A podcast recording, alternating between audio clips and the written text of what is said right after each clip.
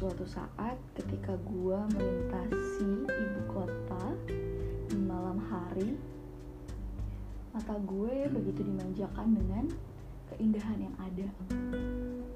Lampu yang bertebaran di mana-mana gedung-gedung yang menjulang tinggi jalanan-jalanan yang pada saat itu gue lalui cukup bagus ditambah terhindar dari kemacetan yang ada menjadi hiruk pikuk masyarakat gue merasakan bahwa Jakarta itu indah ya. But at the same time I was told Jakarta itu keras. Akhirnya muncullah pemikiran dalam diri gue bahwa Jakarta itu indah.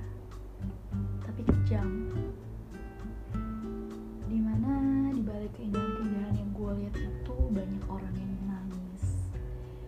banyak orang yang berusaha mati-matian untuk bekerja. Dalam hal mencari pekerjaan bertahan dalam pekerjaannya menyelesaikan masalahnya bergelut dengan segala problem yang ada. Menjadi pribadi yang muka dua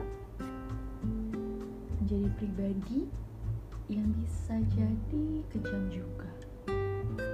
Banyak yang membohongi sendiri mungkin. Merasa terkekang dan lain sebagainya macamnya.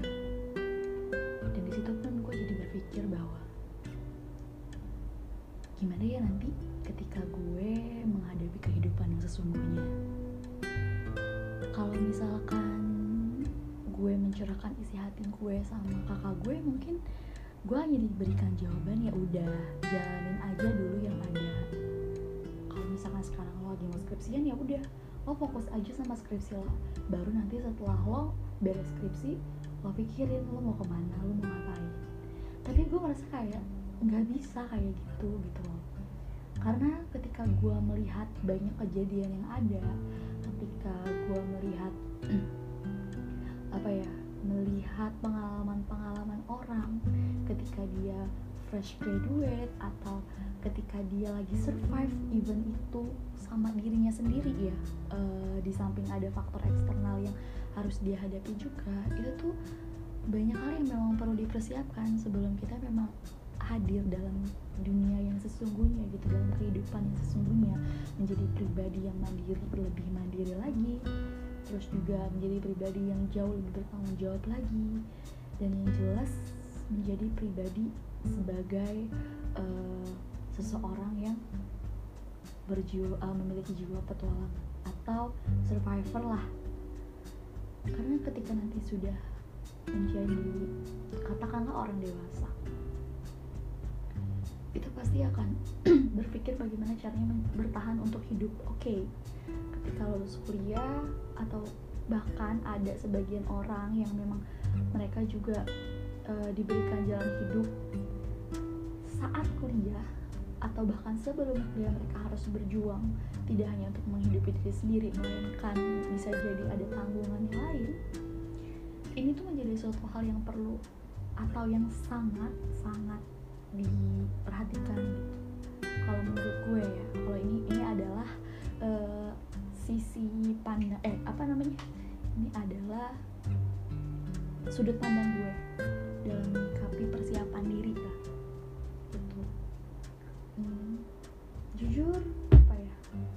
Ketika ketika gue memikirkan ini gue jadi selalu bertanya gitu bagaimana ya sebenarnya diri gue ini? Kenapa ya? Dan biasanya tuh kalau orang-orang quarter life crisis tuh krisis tuh kenapa hidup gue tuh gini-gini aja? Sedangkan orang-orang lain tuh yang kayaknya udah maju udah lari gitu. Sedangkan gue aja jalan aja belum masih ngerangkak gitu yang malah jadinya bikin diri sendiri tuh insecure gitu kan sebenarnya memang kita harus selalu bersyukur sih karena bisa jadi uh, apa yang sudah kita dapatkan pada saat ini apa yang sudah kita nikmati saat ini itu uh, banyak di luar sana yang tidak mendapatkan kesempatan yang sama gitu. tapi lagi-lagi namanya manusia gitu kan pasti ada sisi di mana dia uh, tidak puasnya terus tidak sadar bahkan tidak sadar dengan dirinya sendiri. Dia mengatakan banyak kenal dengan orang-orang dekat dengan orang-orang akrab dengan orang-orang. Tapi sejatinya dia tidak mengenal diri dia itu siapa. Kayak misalnya gue itu siapa sih? Gue tuh apa sih? Gitu. Makanya kenapa kita perlu kenal atau kita perlu tahu kekurangan kita apa kelebihan kita apa terus juga apa ya hal yang kita senangi itu apa hal yang tidak kita senangi itu apa sifat kita itu bagaimana sih? Karena kalau gue memperhatikan diri gue sendiri kadang gue juga suka belajar gitu ya sama diri gue sendiri tentang gimana cara berkomunikasi sama orang. Dan gue tuh kadang merasa seperti ini kenapa ya kalau misalkan gue lagi ngobrol sama misalnya lagi ngobrol sama uh, orang-orang A gitu ya gue bisa asik banget nih gue bisa nyambung banget nih. Terus ketika gue ngobrol sama orang-orang B gue tiba-tiba jadi kayak merasa aneh gitu ya. Terus gue jadi kayak yang nggak minat. Bahkan kadang di satu sisi misalnya gue ketemu ketemu lagi atau ngobrol-ngobrol lagi dengan orang-orang cek ada sebagian yang oke okay sama gue ada sebagian orang yang klik sama gue ada sebagian yang malah bikin gue tuh kayak merasa kecil bahkan sangat kecil gitu. Padahal bisa jadi gue mampu mengasah kemampuan gue di situ di dua kelompok tadi yang gue merasa itu nggak klik gitu ya. Oke okay. Misalkan kita asumsikan bahwa jawabannya adalah oke okay, Vika berarti lo itu adalah orang-orang yang golongan A.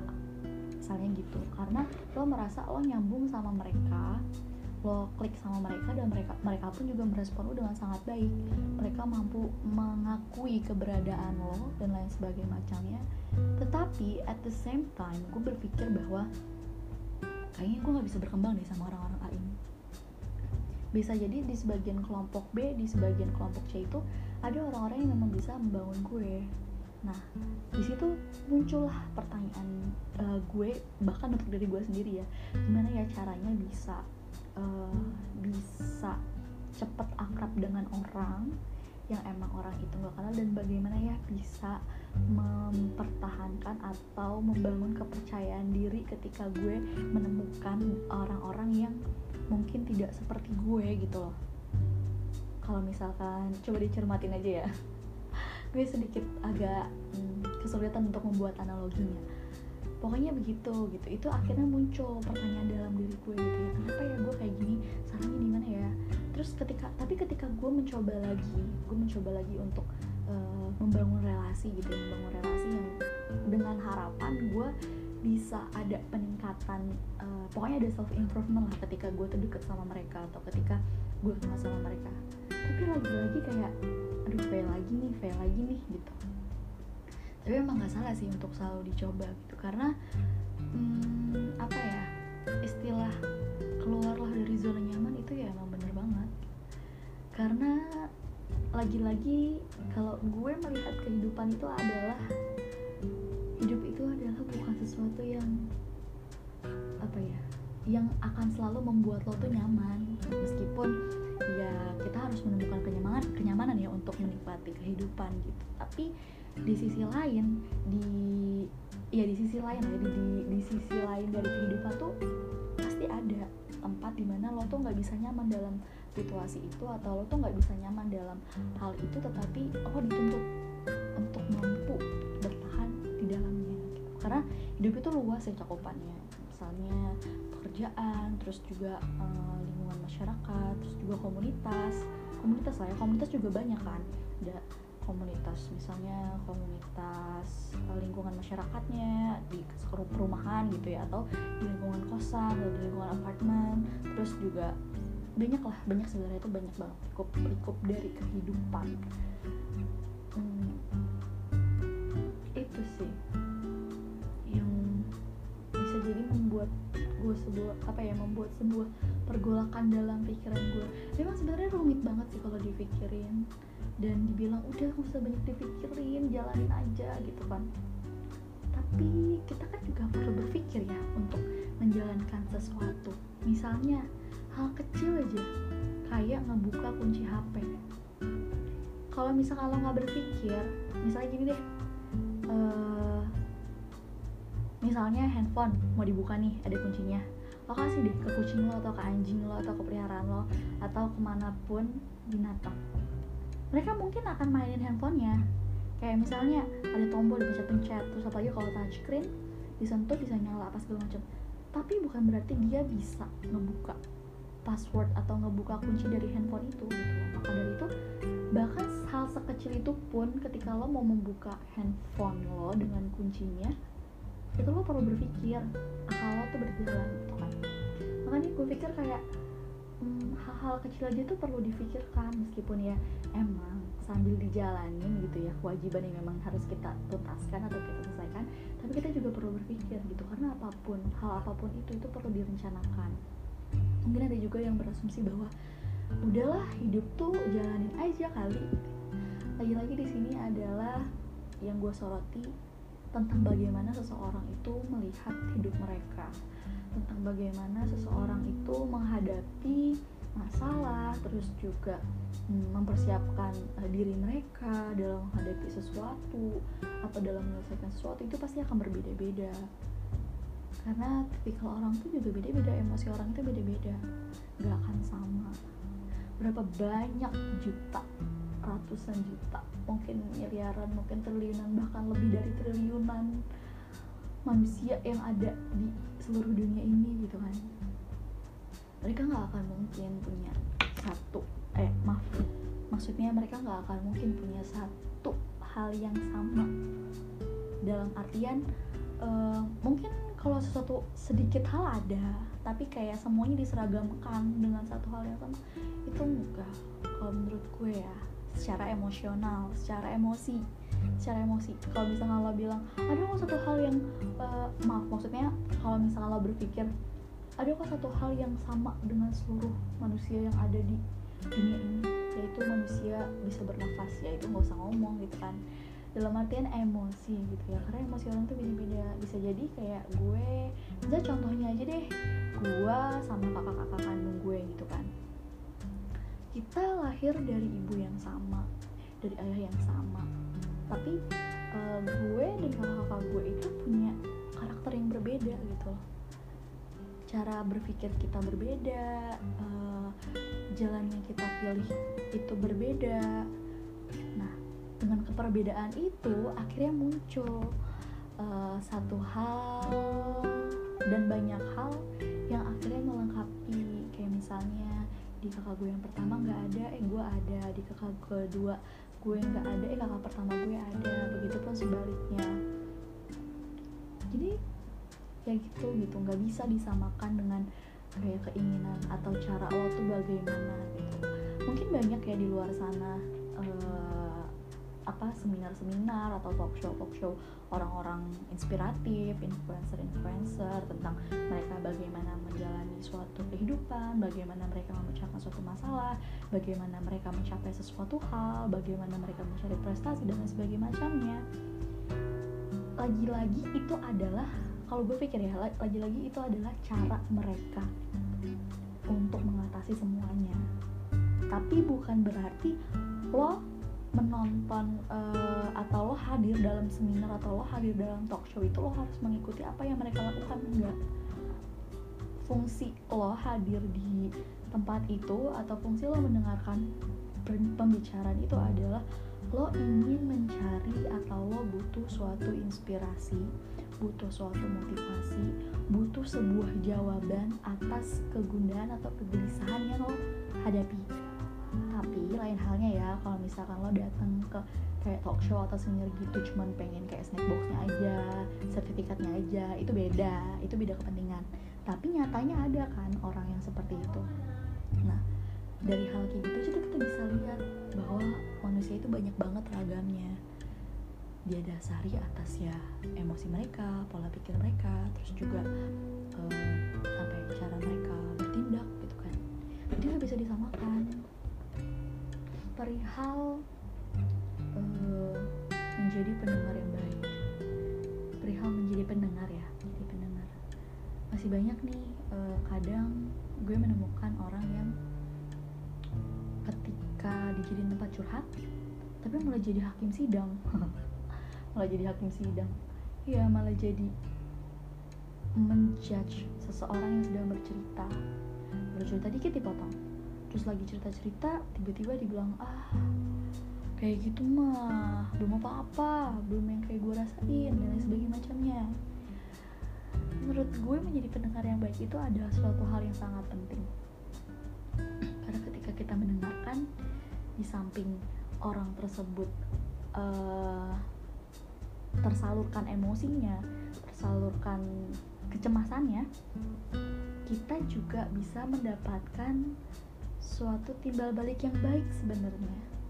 Menurut gue ya karena kenapa? Karena kita jadi bisa belajar. Dari permasalahan yang dihadapi apa terus kemudian kita dengarkan kita simak dengan baik terus uh, kita pikirkan bagaimana solusinya. Kita pikirkan uh, kira-kira pernah nggak ya gue kayak ngerasain apa yang dirasain orang ini? Menjadi seseorang yang berempati kayak gitu. Uh, gue pikir akan terjadi simbiosis mutualisme gitu loh. Dia padahal dia merasakan masalah tapi bisa jadi ya kita bisa mengatasinya atau mengantisipasi hal tersebut agar tidak terjadi dalam diri kita gitu loh. Tadi perihal memikirkan solusi. Nah, kalau misalkan lo udah mikirin solusi nah baru deh setelah orang tersebut e, mendengar eh membicarakan tentang ceritanya kalau misalkan memang dirasa dia ingin sebuah nasihat atau ingin sebuah masukan terkait permasalahan yang dihadapi dan bagaimana cara mengatasinya atau solusinya baru lo hadirkan diri lo di tengah-tengah pergelutan batinnya dia gitu. Jangan tiba-tiba bukan jangan ya sebaiknya uh, ketika dia tidak minta ya kita tahan aja dulu gitu. Karena tidak semua orang bisa menerima apa yang apa ya apa yang uh, disarankan oleh orang lain gitu. dan yang ada malah menjadi kecil bisa jadi gitu ya menjadi kecil. Dan untuk menyampaikan masukan tersebut juga perlu hati-hati perlu pertimbangan perlu uh, timing yang pas gitu di saat kapan ya sebaiknya membicarakan hal tersebut. Atau kalau misalkan memang ada yang ingin banget diomongin terkait permasalahan tersebut ya udah biarin orangnya tenang dulu gitu kan. Uh, relax dulu baru nanti mungkin di suatu saat tidak lama dari waktu itu lo bisa hmm, menceritakan kembali dengan kasus yang sama kepada dia. Terus membicarakan juga terkait solusinya. Jadi lebih ke menceritakan ulang lagi tetapi dengan subjek yang berbeda tuh jadi kayak menempatkan orang bukan menempatkan ya menjadikan orang tersebut sebagai pendengar lagi tapi dengan case yang sama. Kalau kayak gitu kan bisa jadi kita ingin ngasih solusi tapi tidak menjatuhkan dia kan gitu. Jadi kita ngebuat aja cerita cerita pendek lah cerita pendek akan permasalahan tersebut dengan solusinya. Itu balik lagi tergantung kreativitas bagaimana cara pengemasannya dan itu perlu belajar juga sih menurut gue. Karena semua yang kita lakukan ini ya butuh belajar kita aja mau jalan butuh belajar kita aja mau ngomong butuh belajar kan? Maka dari itu ada istilahnya belajar sepanjang hayat kayak gitu. Sebenarnya sih ini nih cuman apa ya cuap-cuapan gue aja sih mengenai um, persiapan persiapan persiapan menghadapi kehidupan yang sesungguhnya ya mungkin tidak didukung dengan literatur-literatur yang sangat oke okay gitu ya. Tetapi bisa lah dijadikan sebuah referensi. Dan kalau misalkan memang ada yang salah kata-kata yang salah atau uh, asumsi yang salah atau ada yang pengen ngasih masukan juga atau ada yang pengen bercerita juga boleh kontak gue aja di Instagram. Ada di deskripsi podcast gue. Mungkin sekian podcast yang gue buat. Dan ini kebetulan malam ya pada malam hari ini semoga bisa menjadi inspirasi semoga bisa menjadi pencerahan semoga bisa uh, menjadi apa ya menjadi sebuah jalan atas kegundahan kalian juga bahwa oh ternyata bukan cuma gue nih yang ngerasain kayak gini. Kalian juga bisa. Jadi kita berbagi cerita gitu ya berbagi pengalaman gitu. Oke sampai sini aja. Terima kasih sudah mendengarkan. Sampai jumpa di episode selanjutnya.